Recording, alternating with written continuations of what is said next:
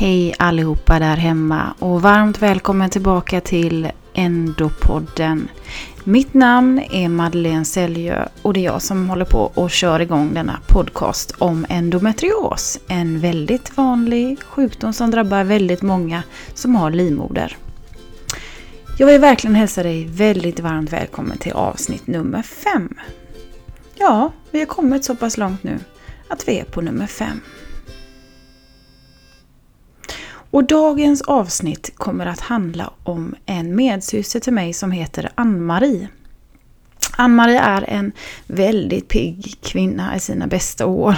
Jag ska inte nämna någon ålder, det är alltid lika känsligt. Men hon är en pigg mört alltså, som bor i Lindesberg och som egentligen kommer från Göteborg. Hon bor där numera och jobbar som sjuksköterska och därför är det väldigt intressant att få höra hennes historia om endometrios och hennes syn och insikt kring sjukdomen. Både som patient och även som en vårdpersonal som hon faktiskt jobbar med i sitt yrke som sjuksyster. Det är en väldigt spännande eh, vinkel på hur vi uppfattas, hur det är och vad man upplever. Och vi satt nere i vattnet i Lindesberg och bara tjötade och hade ett gött samtal som jag vill dela med mig av till er. Och sen är det så, tycker ni om den här podden, snälla dela den, gilla den, sprid den vidare för det är så himla viktigt att sprida information om endometrios. Så jag ber er alla, om ni tycker om den här, gå in och ratea den, ge den eh, lite uppmärksamhet. Det hade betytt jättemycket för mig som sitter och jobbar med detta. Men nu, nu ska vi iväg till Lindesberg. För dit tog jag bingobilen och åkte. Och vilken underbar stad och vilken fantastisk medsyster Ann-Marie är. Varsågod, Ann-Marie, din historia.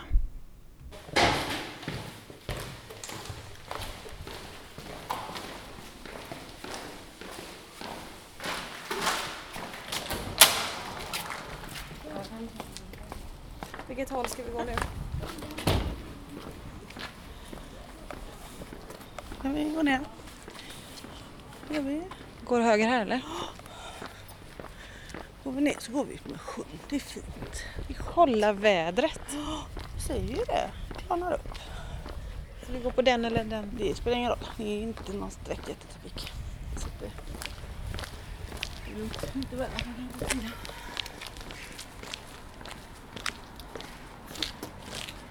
Den här fin här i juli.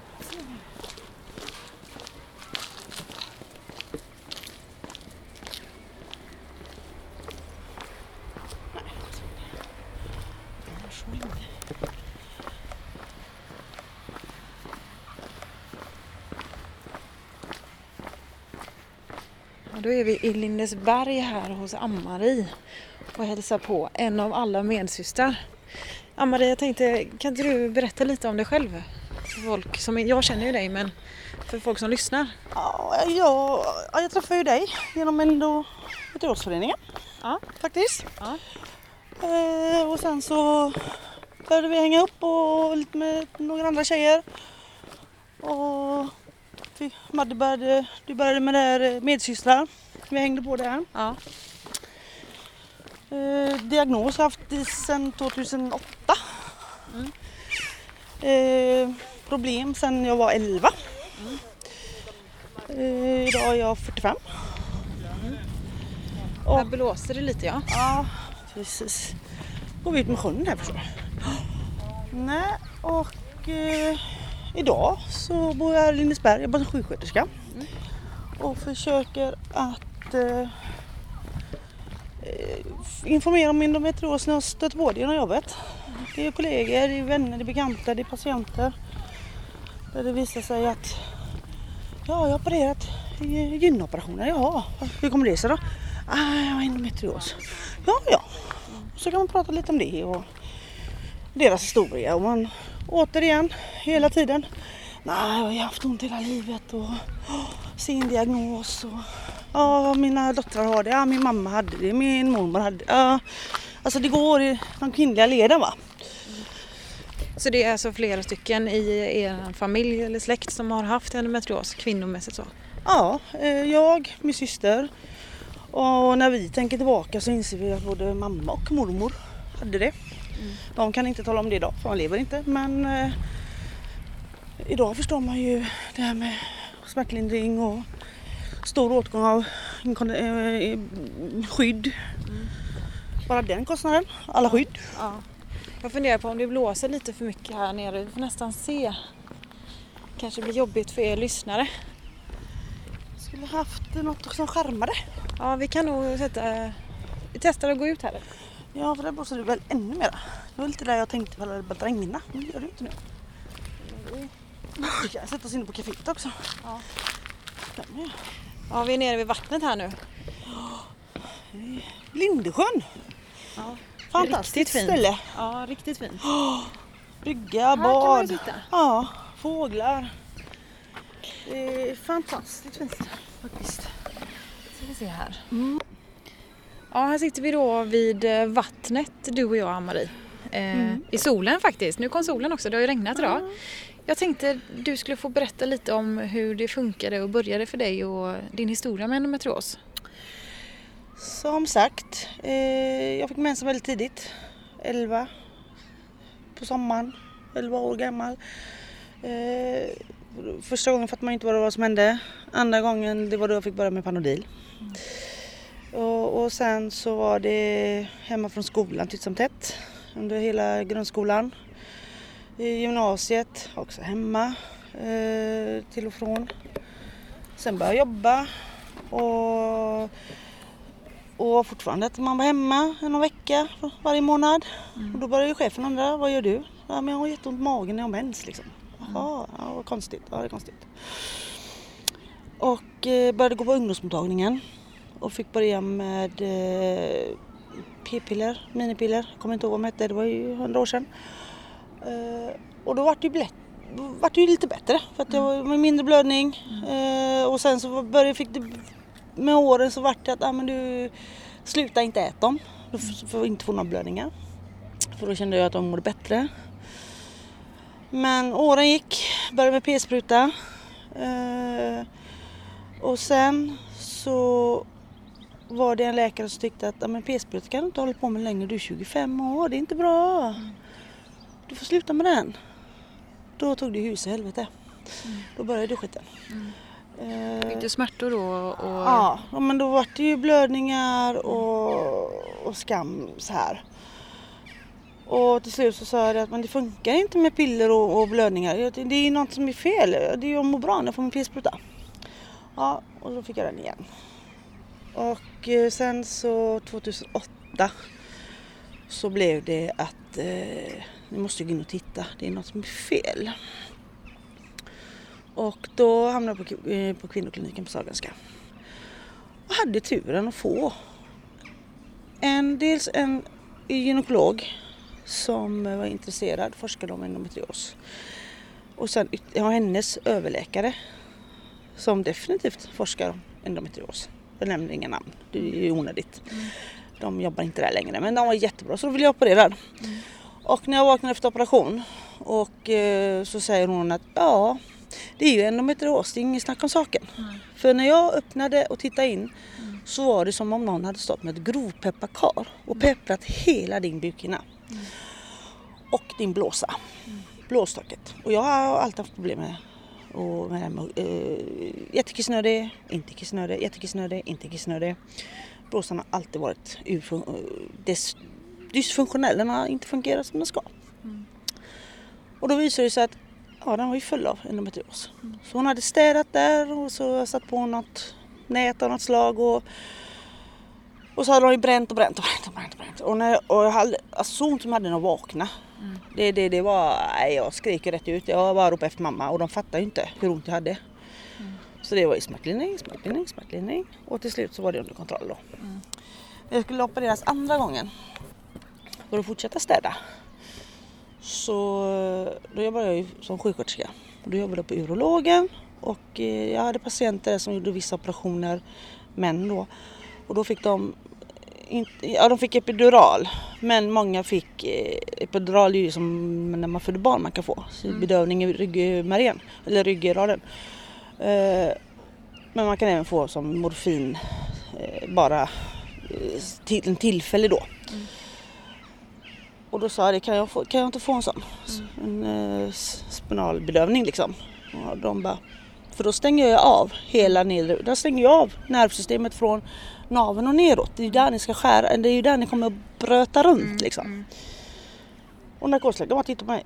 Det var en jättebra idé. Vill du prova? Jag bara, "Ja, definitivt sa jag. När jag vaknade efter den operationen.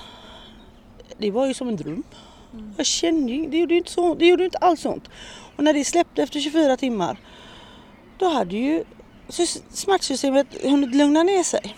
För våra smärtsystem som har endometrios är så skadade. För nerverna blir så skadade. Endometriosen gör ju egna små bon med blodkärl och nerv. De behöver ju, nervsystemet behöver ju liksom ingen annan försörjning. De hittar, det, hittar det själva. Och, och, och sen så har jag blivit opererad några gånger till och sen till slut så slutade det med att jag fick göra en hysterektomi. Eh, tog bort livmodern och tog bort äggstockarna. För att Hur gammal var du då? det var ju 2012. 39 kanske? 30, Ja, jag tror det var 39.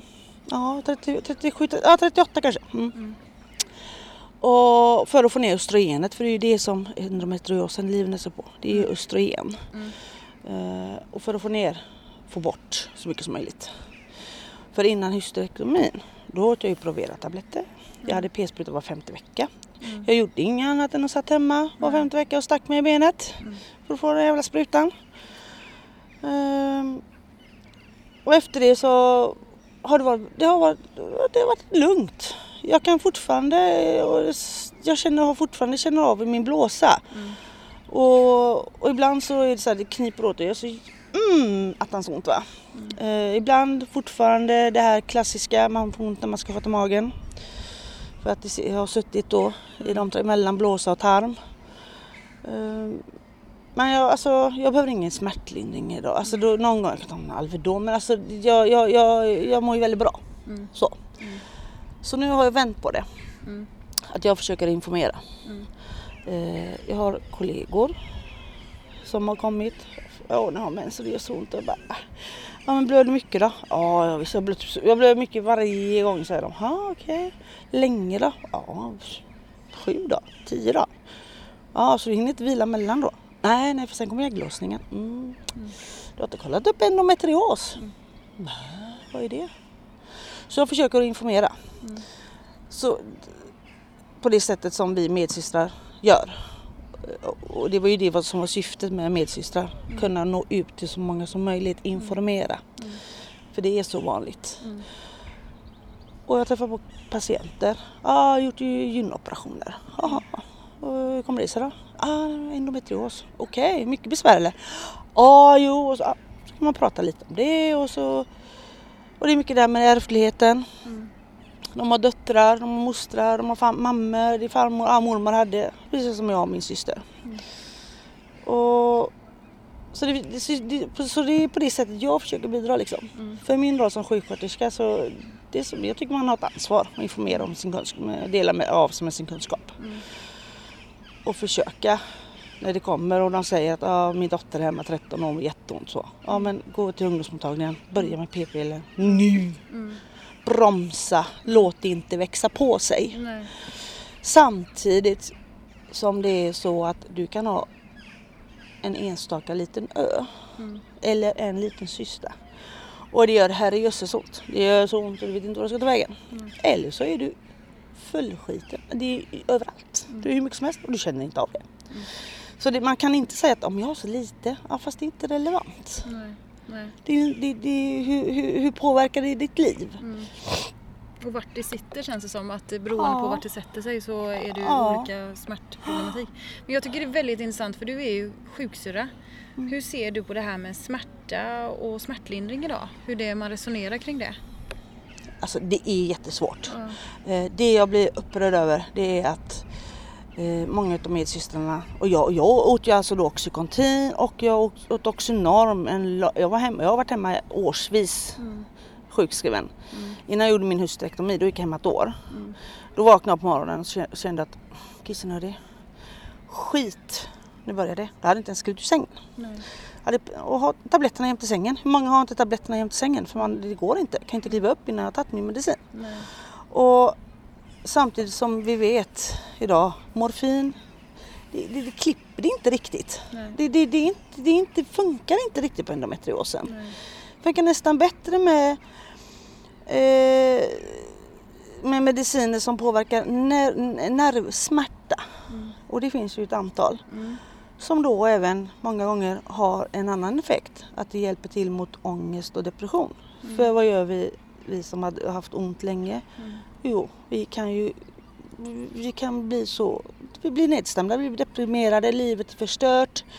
Eh, många, de som vill ha barn, nej, de kan inte få barn, det är ett jäkla kämpande. Ha sex med sin partner, nej, det är inte att tänka på.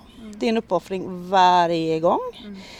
Eh, Har du, det- någon, har du någon erfarenhet som du vill berätta om kring det här med hur man mår, eh, hur du har mått psykiskt genom den här, om du går tillbaka i tiden? Jag tror, jag tror ju att jag har ju ätit antidepressiva jätte, jätte, jättelänge Mm. i olika varianter. Just nu, eh, nu de sista åren så har jag en jättebra variant. Eh, Och det hänger ihop med att man har varit Dels smärta, sen så har det varit lite andra, andra saker som har hänt i livet.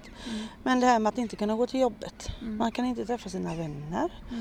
Eh, Det blir sådär, man isolerar sig Mm. mer och mer och mer. För, hur för många av oss är ju sådär att vi har ju, många av oss har ju några få vänner som vet, som förstår, de ställer upp. De förstår när man ringer och säger att "Nej, jag kan inte gå på det där kaféet idag, för jag, fixar inte. Ja men jag köper med en bulle hem. Toppen! Men många bara, ja, men hon kommer ju aldrig, ingen ens frågar henne för hon dyker ändå inte upp. Så det påverkar det sociala livet. Arbetslivet. Vi har många tjejer som inte ens kan fullfölja ett gymnasium. Hur ska man då kunna komma ut i arbetslivet? Vi har de som lyckas gå igenom en utbildning. Men sen kan de inte hålla upp ett jobb. För de, cheferna förstår inte och vem vill anställa någon som är, är hemma? Mycket ofta och länge. Eh, och det sliter på eh, eh, förhållanden, relationer. Eh, och sen är det, när vi, vi pratar om smärtlindring, tyvärr. Jag, jag försöker absolut inte döma någon som kanske känner att de klarar av det tack vare att de tar någon hög dos morfinpreparat oftast. Men då är det att då klipper du ju din ångest. Du kanske fortfarande har lika ont fast du blir så pass påverkad så att då kanske du inte känner av det. Eh, och det där är ju är ett jättedilemma. För att komma in till akuten och så säger de att ah, du kan få Alvedon och Ipren. Ja men jag, det hjälper inte. Ja fast eh, du kan inte komma hit och få knark. Det är inte det det handlar om. Det handlar om att byta skov. Så det, där, det, det är svårt. Det där är, det, det, det är jättesvårt.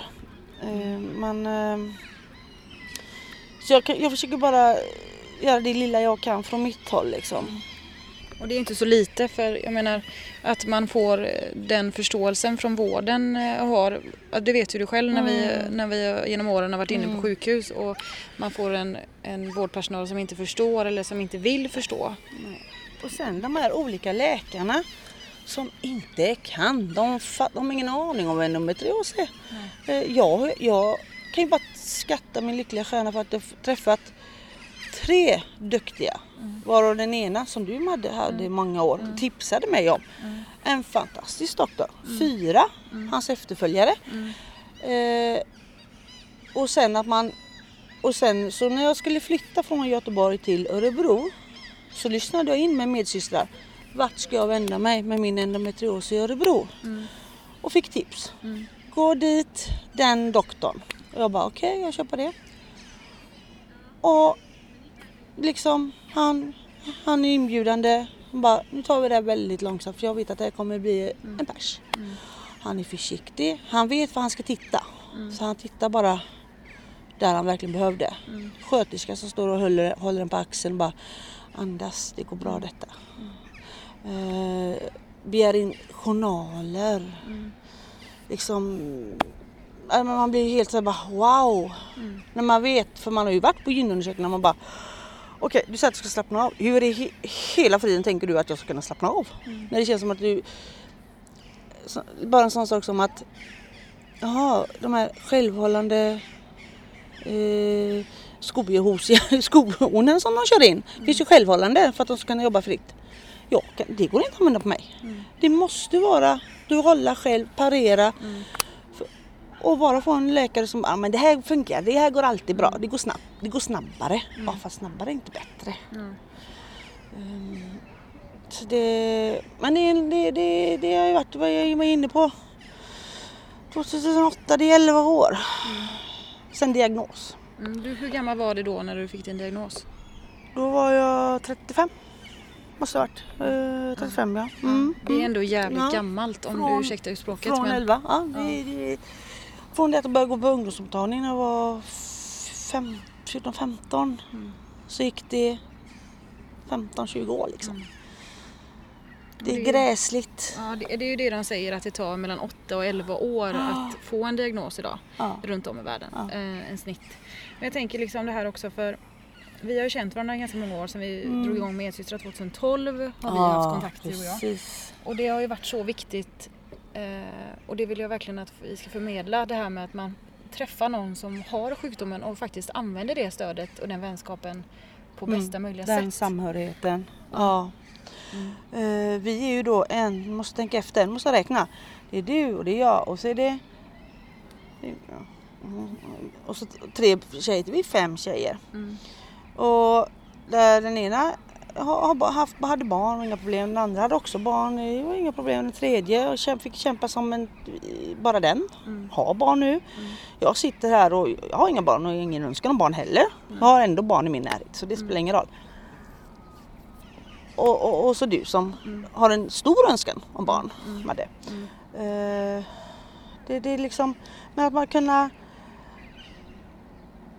jag glömmer aldrig, vi var hemma och kom hem till dig, vi fem tjejer. Och vi satt i din soffa och uh, sög i oss heliumballonger och, och bara tog oss liksom. För, fyra utav oss, för den femte låg på sjukhuset. Och skickade en hälsning. Hur går det för dig? Liksom. Och man ringer, man kollar läget. Alltså det... Man stöttar ju också mycket så här, Ja. för det har ju varit väldigt bra när det är någon som kan det här och som faktiskt påminner mig lite om att Madde, tänk nu på det här eller vi har åkt in till akuten Mm. tillsammans och i- stöttat varandra mot läkare och för personal för att få hjälp. Ja, visst. Alltså det är så många vinningar i det. Så det önskar det- jag ju alla. Ja. Eh, För det, det är så olika erfarenheter va. Det, och, och man har kanske kan, kunnat stötta någon, någon partner och att de har kunnat hitta varandra och prata med varandra.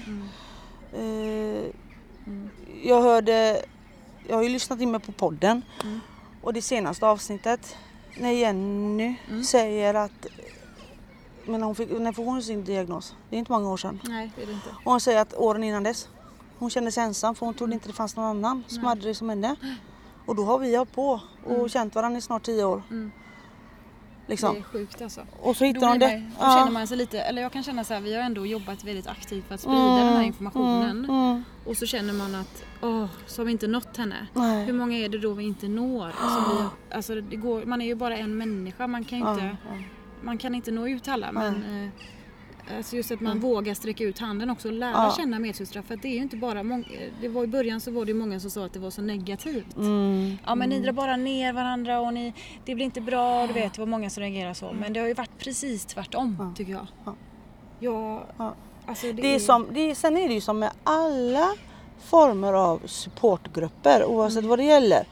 Man måste lära sig att sålla och filtrera. Eh, det var som jag, när jag gick in och skulle bli av med allt, all min smärtlindring. Då gick jag in och talade om att nu har jag varit på, och fått på smärtkliniken och fått det ett helvete, det är ett jävla mörker. Men jag vet att det kommer bli bättre. Men, och jag kämpar och hejar oss liksom. Och får tillbaka då en liten kommentar att ah, men det är bra, kämpa på. Det, det är så liksom. Uh, för jag har varit jag har varit så långt bort som att doktorn bestämde mig att nu ringer jag dig på tisdag. Då vill jag att du svarar.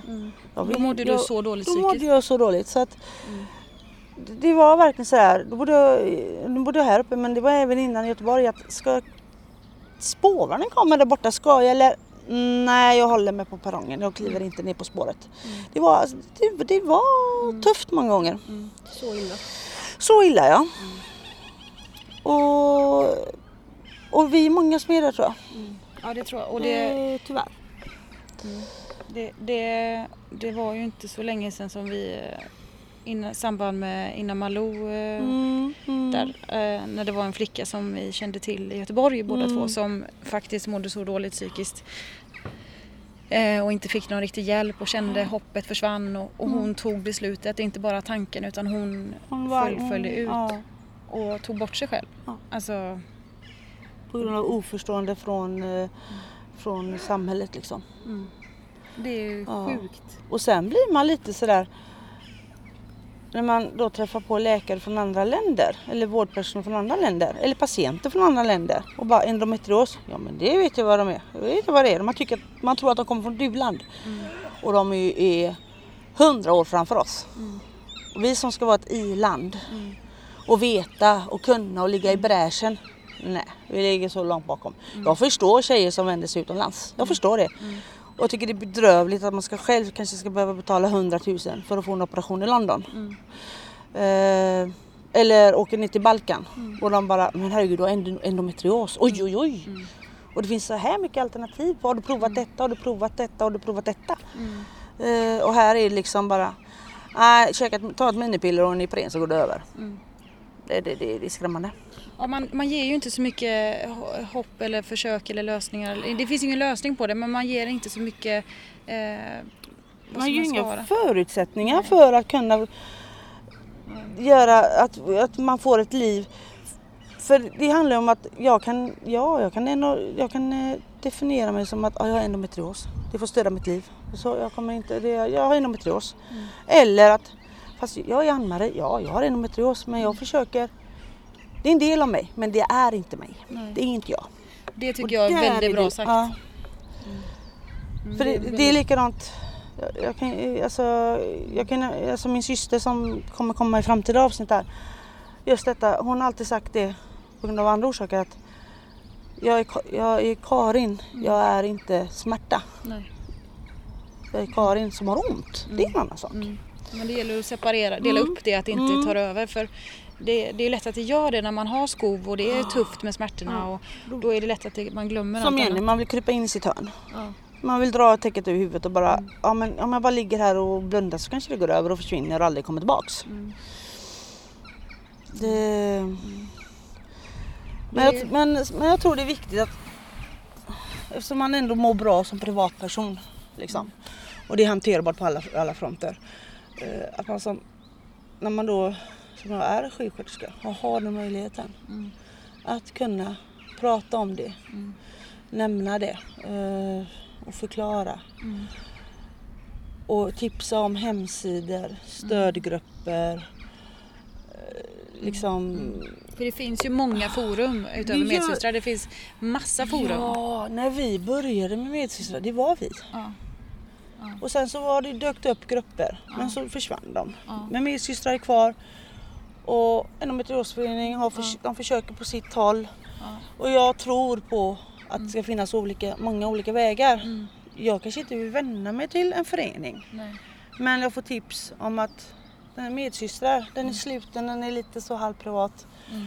Ja, ja men det kan jag tänka mig. Mm. Och man kanske får kontakt med och visar sig att det är grannen. Mm. Jag såg att du var inne på den gruppen. Ja. Ja. Men det är det som är så häftigt också för att man kanske lär känna varandra under att man har samma diagnos. Men sen upptäcker man ju att det finns ju så mycket mer Ja, än bara sjukdomen man har tillsammans. Ja, alltså den vänskapen vi har, Ja. den är ju väldigt speci- alltså unik. Det blir, ett, det blir ett väldigt starkt systerskap. Ja, syster, ja, men systerskap är, det är ju verkligen Ja. ordet. Ja, Vi är systrar, i, något, ja, systrar i samma, med samma bekymmer. ja, Grundbekymmer. Sen är det ju så olika så det Alltså det är fortfarande så här, aj det gör ont i min äggstock. Ja just det, Ja. jag hade ingen äggstock. nej. Men det, ja. Eh, och likadant alla dessa olika kroppsliga symptom. Mm. Eh, med man, ja, jag har mensen, ja men då bajsar blod. Mm. Eh, systor, jag personligen, Mm. jag har inte haft en syster i hela mitt liv. nej. Min syster har det bara, har däremot haft systor utav bara skam. Alltså det är så olika och då är ändå vi samma familj. Mm. Ehm, och Jag hade en väldigt, jag hade en väldigt duktig husläkare i många år, jag och min syster. Som, han var hudläkare i botten. Så att liksom, men då handlar det om det här med celler. Och han sa ju det att endometrios per definition så kan en endometriecell, en en-cell, migrera överallt i kroppen. Det är ju därför det kan finnas, jag menar, vi säger att man har IBS, ja fast det är kanske i endometrios. Eh, Du har problem med, med lungorna, ja men det, det kanske är endometrios. Sammanväxningar på alla håll och kanter. Du ska operera bort en gallblåsa, äh, det var lite svårt för det var tydligen sammanväxningar där. Och kirurgen bara, ja men det var sammanväxningar, det var ju ja, ovanligt. Ja, fast vi då tänker att ja men det är nog endometrios där. För det är det som är lite så här att man blir ju, får ju massa andra Mm. diagnoser istället för att gå till botten om det kanske är endometriosen som har satt sig i och med att det, det förekommer faktiskt. Faktiskt, och de går inte in och kollar. Nej. Det finns, alltså de här läkarna som säger att vi kan se på ultraljudet. När jag gjorde min hysterektomi, de, de, de, de vet nog inte vad de pratar om. Eh, när de gjorde min hysterektomi och delar och undersökte min livmoder så ser de ju att hoppsan, du hade något som heter adenomos. Eh, Slemhinna i, i, runt, och, runt omkring och i och hela livmodern. Så det spelar ingen roll hur mycket hormon jag hade stoppat i mig. För det fanns där hela Det tiden. nådde inte dit liksom. Nej. Det försvann inte det som fanns där. Och det såg de inte förrän de öppnade. Och biopsin, de måste ta en biopsi. Om de inte öppnar och de ser alla härdar. Det, det visste men även om de såg att det var massor med härdar så tog de ändå biopsi för att verkligen dubbelkolla att ja det är endometrios. Men Det kan man ju kräva och jag tänker du, både du och jag har ju varit med om det här att de har filmat faktiskt Mm. och tagit kort. Mm. Eh, om du vill berätta lite om det. Ja men det gjorde, det gjorde ju den första läkaren som, eh, för då var det ju min gynekolog. Men så var det hennes överläkare. Så överläkaren var ju huvudoperatör. Eller huvudkirurg. Och så var min andra med då. Och hon filmade ju. Tyvärr har jag tappat bort den filmen eh, efter alla år. Den är borta. Men då visade hon då kunde man ju se. Det var sammanväxningar. Du ser här glänser det, här blänker det. Det är endometrios som ligger på ytan i hela bukhinnan. Du ser taket här på blåsan. Det var härdar och så här. Och sen och så spolar hon framåt på den här filmen och så, så nu har vi lagt det här nätet och så hoppas vi att det blir bättre. Ja, för de satte in ett nät på dig. Det har vi inte pratat om. Nej, eh, eh, för eh, de, de tog ju bort oj, jättemycket på, blås, eh, på blåsan då. För det som endometriosen gör där, det är att den stör ju alla cellerna.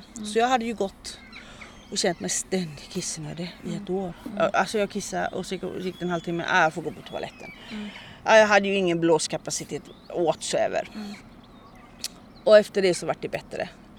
Sen så vart det ju återigen störningar innan jag gjorde hysterektomi. Det var åt andra hållet. Jag hade två liter. Ja, då hade jag en överfylld blåsa istället. Men efter hysterektomin så lugnade det ner sig. De har ju aldrig, behövt gjort, de har aldrig gjort något, något, gjort något mer fysiskt på blåsan. Nej. Eh, Det är ju skönt att det funkar idag. Ja, men som sagt, som nu, vi sitter här och vi pratar och jag känner, jag känner ju, alltså jag känner ju min, jag känner ju ett tryck i, i, nere i buken, lite så, hela tiden. Men det är inte smärta. Men, jag, det, men det är en nerv, det är närvaro i nerverna. Liksom. Men det är det här- något de reagerar på. Det här med eh, just som vi pratat, eller som du var inne på förut, det här om nervsmärtlindring. Eh, hur har det hjälpt dig?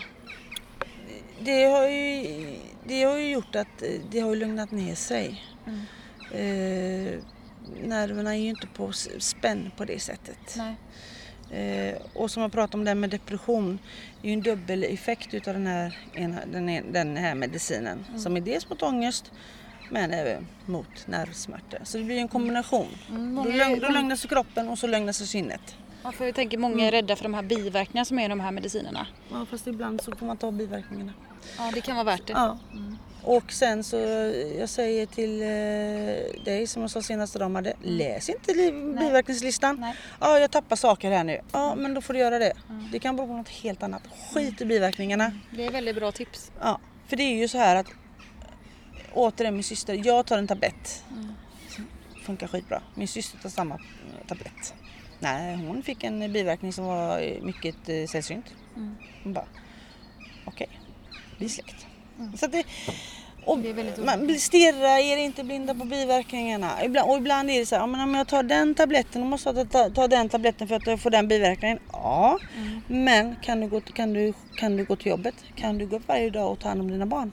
Ja, då kanske det är värt det.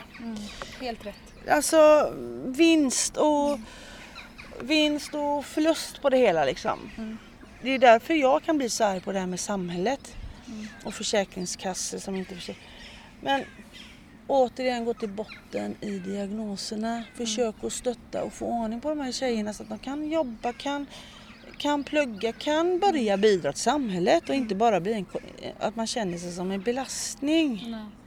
För hur mycket kostar det inte samhället i operationer, i läkemedel? Jag menar en operation som liksom en, en, en laparotomi, alltså när man går in och öppnar buken, nedre buken, man gör ett bikinisnitt, man går in, eller man gör titthål för att bara titta, gå på 100 000. Jag menar, du kanske slipper det då. Och så kanske du gör det 15. Jag sex gånger. Du Madde, det, är det är ju dubbelt upp och lite till. Alltså min syster har också gjort x antal. Alltså istället för att göra också. en konstatera, ja, men då jobbar vi med detta. Det är ju så olika, man känner ju dubbelt i det att man eh, kanske egentligen, jag vet att jag förstår verkligen läkarna som säger så här, det är inte bra Madde och du ska inte öppna det, det är så mycket risker och sådär men för, alltså fy skön vilken livskvalitet jag har haft emellan när jag har fått bli rensad där inne och fått bort allting för stunden. Ja men det är så, städa lite. Ja. Gör en städning någon Ja, gång. ja. Mm. Kan de inte göra Men du det? får ju mera sammanväxningar. Ja, fast de andra är borta. Och, det tar, och man får inte sammanväxningar på en vecka. Det tar en stund. Alltså, Mm, det är väldigt intressant nu för jag, jag håller på och läser på inför den här podden kring de här olika operationsteknikerna. mm, mm, Och då finns det ju någonting som heter excision som de gör i bland annat England, bland annat, men och många andra länder också. eh, och där går man ju på djupet lite mer och man, ja, man, tar ju bort, man går ju verkligen på djupet och tar bort väldigt mycket vävnad och absolut det gör jätteont och det är tuffare återhämtning. Men s- alltså för skön vad alla blir mycket bättre under en längre period. Varför gör vi inte det här i Sverige? Och den läkaren som vi hade, Ja, alltså, vi säger ingen namn, Nej. vi nämner ingen. Men han är tyvärr pensionerad numera. ja, alltså vi älskar honom. Ja, det han, han, han gjorde ju detta. Min sista operation som han skulle göra så sa han, jag går in och tittar på din bukhinna. Och om det är så att jag ser att det finns massor på din bukhinna så tänker jag plocka bort och så tänker jag sätta ett nät och så här. Och när han upp, öppnar och så, så, så sa han det, det är nog nerverna som spelar för jag hittade, nu, det ser fint ut. Jag, jag kan inte hitta något. Men det, det, då får vi jobba med smärtorna eh, på ett annat sätt. Men det finns ingenting jag kan göra i operationsväg. Nej. Men han städade ju. Mm. Och även den första läkaren innan där. Hon som stod, konstaterade, som de sa, vi kunde bränna, vi brände, vi brände i två timmar, vi kunde bränt i två timmar till. Men nu slutade vi. det var liksom, okej nu har vi städat en hel del. Uh, tog bort allt vi kunde se. Att de vågar, att de har kunskapen men att man inte delar med sig då till sina AT-läkare som kommer som är under upplärning. Men stötta dem då i detta. För det Vi har inte... så många läkare som kommer från andra länder som kanske har kunskaperna. Fast då måste de validera sina utbildningar hit och dit. Och det ser ut som att de kör taxi och så sitter de inne med en sån guldgruva i kunskap. Men de kör taxi. Ja, för det, det- här med vi nämnde den här läkaren som vi pratar väldigt, som Ja. vi älskar så mycket. Det är ju inte bara för att han har opererat oss, ska vi poängtera, som vi älskar honom. nej. Det är för att han har varit en sån otrolig medmänniska eh, och verkligen stöttat. När han inte kunnat operera så har han ju stöttat alltså. Det är bara den här klappen på axeln och bara kämpa. Alltså det är det där med medmänsklighet som jag tycker. Sen kanske inte de alltid kan hjälpa oss men att de har en förståelse.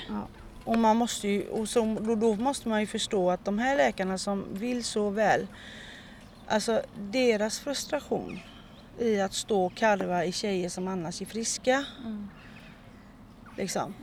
Och, eh, och, och, eller, och, kanske att kunna säga att, och behöva säga att fast jag kan inte göra mer nu. Det går inte. Liksom. Och, och det är Liksom, den känslan att som doktor skriva ut de här Inanton och Synarela. Där det står på hela paketen ska ges till kvinnor och gravida. För det är inte till kvinnor, för det är till män med prostatacancer. Hallå! Det ska, vi ska inte ens ha det. Nej, Det, det, det, det, det, det, det är inte ämnat för en kvinna. Men det är det enda som biter många gånger. Och, och, det, och, med, med, med, och, och, så, och, och så sen leva med det som den behandlingen be, gör. Jag har aldrig behövt. För mig, för det kom så långt som att lite, pro, lite provera i tablettform och så var det eh, sprut, TP-spruta var femte vecka och sen tog de bort allting. Där, liksom. Dels på en, framförallt på endometriosen för att få ner östrogenen. Men sen även eh, att vi har äggstockscancer i vår familj. Och det vill jag poängtera. Endometrios ger inte cancer. Var inte rädda för det.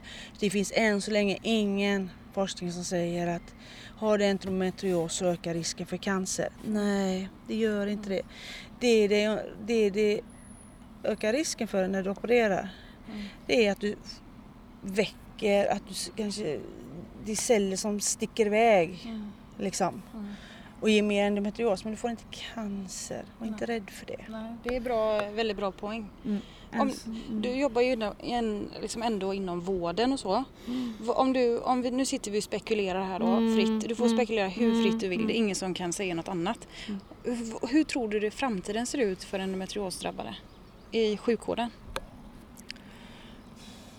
Den- Det är tufft. Den är tuff. Mm, det är tuff fråga. Ja, den, eh, ja för det, det är liksom det, det, går så långsamt framåt. Mm. För menar man, kom- hur många får utav eh, unga tjejer kommer och säger där de får höra att det blir bättre när du får barn. Mm. Men det är en myt. Ja, det är de här myterna vi måste få bort först. Ja, och, och de lever kvar tyvärr. För många gånger är det så att oj, ja, men jag har jätteont och försöker bli gravid då, men då blir jag gravid. Ja, och sen blir jag skitdålig. Eller de som eh, blir gravida inte har några större besvär och blir gravida för att ja, men det, det funkade ju trots endometriosen. Och sen blir det ännu sämre. Blir, eller blir det sämre. Eh, men just att knäcka myterna eh, bland barnmorskorna, bland gynekologerna. Eh, det, det, det, det, det, Alla det- leden upp liksom. Ja, och jag tror att vi, det, vi, det, vi har långt kvar. Jag tror tyvärr det. Jag tror att vi har långt kvar. Men jag tänker inte sluta Nej. och tjata om det. Nej. Jag tänker inte göra det. Nej, det är tur att det finns sådana som dig. Jag sa det till dig tidigare idag. Kan vi inte bara klona dig och, och stoppa in dig överallt i sjukvården? Det hade varit så skönt för att ha någon som förstår oss. Ja, jo, det hade varit smidigt. Men det funkar inte så. Nu knäckte vi en affärsidé här till någon. Ja, men precis. Men sen, vi pratar ju, jag vill det här med att bidra till podden då. Mm. Som du sa nu sist, Swish. Ja, men man kanske kan bidra på andra sätt. Att jag tar min lilla mobil och så går jag ut där i lilla Lindesberg. Haffar en, ja, lite tanter, lite tjejer. Och bara, jag bara ställa en fråga, får lov att spela in dig. Bara, jag vill bara göra en liten allmän undersökning. Vad vet man något om endometrios? Och bara se, nu frågade jag 20 stycken här. Och 10 säger att ja. Eller de säger, vad är det? Ja men då kan jag tipsa om lite, kan, man, kan jag informera lite. Men jag tror du bidrar ju väldigt mycket när du inom ditt yrke också. Att du når människor i de situationerna. Det är ju ett jättestort bidrag. Mm. Jag Eh, opererar men- jättemycket kvinnor. Ja. Eh, Vi gör ju sådana här gastric bypass operationer där jag jobbar. Mm. Eh, och, och många har, har de inte endometrios så har de ju där PCOS. Ja, Och det är ju ett stort dilemma det också. Eh, PCOS, det, vilket innebär att man har man får extremt med cyster på äggstockarna. Vilket gör att du inte kan bli gravid för det. Och så blir de utredda för sin PCOS och så visar att de kanske har endometrios också. Eller det var endometrios. Nej, men, det, men om du ska... Jag tänker så här, nu är det många som har lyssnat här. Och, har du någonting Vi så kan här ju prata länge du och jag. Ja, det kan vi. Vi kan hålla en hel, en hel flera timmar tror jag. Mm. Eh, Men om du får nämna någonting som du, som du tycker så här är bra att använda sig av för att kanske härda ut eller liksom att eh, fixa situationen som man genomgår? Har du något bra tips som du, som du kanske har kört som eller liksom funkar för dig? För, alltså jag läser ju mycket. Eh, eh, jag hamnade ju i en utmattningsdepression och det på grund av smärta och mycket annat. Och där har det varit så här, promenader, Mm. läsa, minska intryck, minska krav. Mm. Eh, en del håller på med mindfulness och det är väl en form av mindfulness. Mm. Men jag har så svårt att bara säga att nu ska jag göra detta för att det är mindfulness. Nej men det är inte riktigt funkar inte. Nej. Yoga, jag är inte intresserad av yoga. Men det kanske funkar skitbra för. För menar som Jenny, ja, yoga. Precis, Ja, det är och jag bara, olika. jag bara, i yoga tror jag inte. Jag somnar. Ja. Nej, inte att Men tänka du på. läser då? Liksom. Jag läser, sitter och läser, fifflurar. Eh, bara, bara är på något sätt. Mm. Eh, jag, jag, det här med träning och så, det är svårt. Eh, och promen, promenera, det är väl det som jag fixar liksom. Sen är ju du väldigt så här, väldigt, eh, när man känner dig så är du så otroligt glad och, och det tror jag det här med humor och ironi Mm. tror jag du är duktig på. Man Jag får vara att- lite cynisk. Ja. Ja, och sen så jag, jag säger det, alltså jag träffar ju så mycket människor eh, i olika situationer. Många som kanske får ett, eh, får ett cancerbesked och det hamnar i ett mörker. Och så säger de till mig, "Ah, ja du är fortfarande glad, du är inne på tredje natten och du är fortfarande glad. Ja men vad ska jag göra? Jag kan inte sitta här ute och gråta och tycka så synd om er. Nej. För att ja, du är en, det är en tuff situation. Men jag kan bara säga att försök att prata om det är det som hjälper dig. Mm. Ta, ta hjälp av en kurator, gå till en psykolog. Mm. Mm. Eh, Det är väl jättebra tips. Ja, alltså ta, ta, Att ta hjälp. Ta, Ta emot hjälp. Ta, för, ja, Mm. ta emot hjälp är väl väldigt bra. Jag var väldigt anti själv. Mm. Jag tänker inte gå och prata med honom. Vi går? Nej. Och blev mer, sådär, mer eller mindre pådyvlad Mm. av eh, eh, landstingshälsan då när man, det blev att man skulle bli sjukskriven för en utmattning. Att nej men du får nog, eh, vi vill att du går på samtal här, eh, psykolog i, i några, en gång minst. Mm. Och kom till världens bästa. Mm. en, sån grym, alltså en sån grym kille. Mm. Och han, fick ju, han har ju fått mig att vända inför det. Mm. Eh, men, men vad jag gör? Ja, läser som här, jag, när jag bor vid en sjö. Mm. Jag, kan, jag umgås mycket med mina syskonbarn för de är så kravlösa. Mm. De är så glada, de är så nöjda bara de får gå till lekplatsen. Mm. Eller bara sitta och bara hänga i mosters eh, soffa liksom. Det, ja, det är, och det är guld värd. Det är guld värt. Det, ja. Men man får hitta sina, jag spelar sådana här meningslösa spel, Candy Crush. Mm. Kan sitta timmar. Ja. Man får ha lite tid Ja. tänker jag. Ja, Ja. Det, faktiskt. det är bra tips. Mm. Men eh, sån yoga, nej. Nej. Men det funkar ju inte för alla. nej, det är ju så. Vissa målar, Ja. pysslar. Ja. Och nu tittar du på Madde Ja, med höjda ögonbryn, Nu tittar du mig och jag bara Mm. tittar bort och flinar. Mm. Det ser man Mm. ju inte på den här podden. Mm, Nej, nej, nej. Men eh, ja, alltså jag är så himla eh, grymt, grymt tacksam, lycklig. Eh, Och någonstans får man vara tacksam för att vi faktiskt kan, vi lever. ja. Men att vi har varandra Och inte att du, överlever. Ja. Och att du faktiskt... Eh, jag frågade dig och så tänkte jag så här, man, man respekterar om folk inte vill lämna ut sig men jag är så himla glad att du ville det. Ja, men det, det var som jag sa igår. eh, Man kan tacka nej. Och sen, jag behöver inte spill the beans liksom. Nej. Nej. jag, jag pratar om det som jag känner att jag vill dela med mig av. Det är Det, det, jättetacksamt. det, det är ju så. Nu kommer det lite folk. Ja, nu ska vi stänga ner här för det är väldigt vad det tar över. Men Mm. tack så jättemycket för att du ville vara med och berätta detta. Absolut. Det kan nog bli så att vi kommer göra lite grejer du och jag framöver Ja. tror jag. På vårat sätt Ja, ja. faktiskt. ja det, blir, det blir mer av Tant Grön och Tant Rosa helt. Mm, precis. Tack så jättemycket. Varsågod. Ha det gott brudar. Kämpa. Ja. Kämpa. Hej! Tack snälla Ann-Marie för att du var med och deltog i den här podcasten Ändå på den.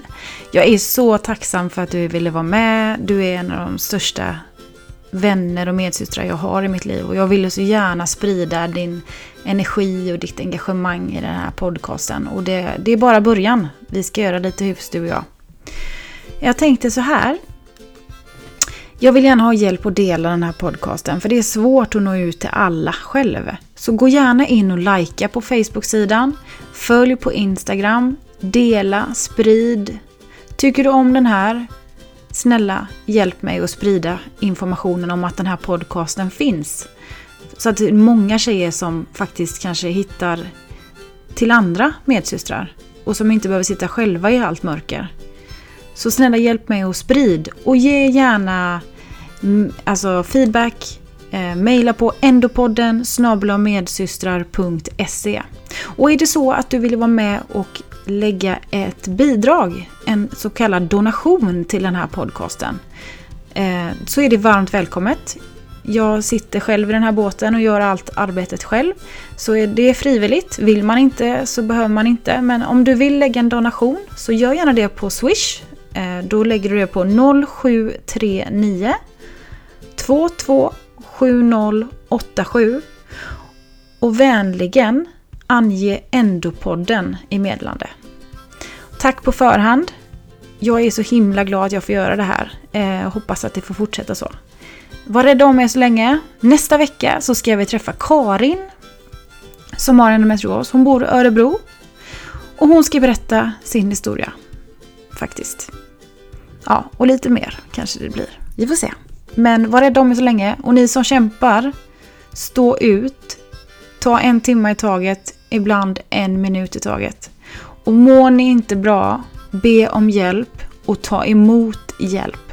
Det är det svåraste. Men stå inte ut själva. Utan använd den hjälpen som finns runt omkring er. Och ge inte upp, jag ber er. Jag vet att det är många som mår dåligt, men snälla ge inte upp.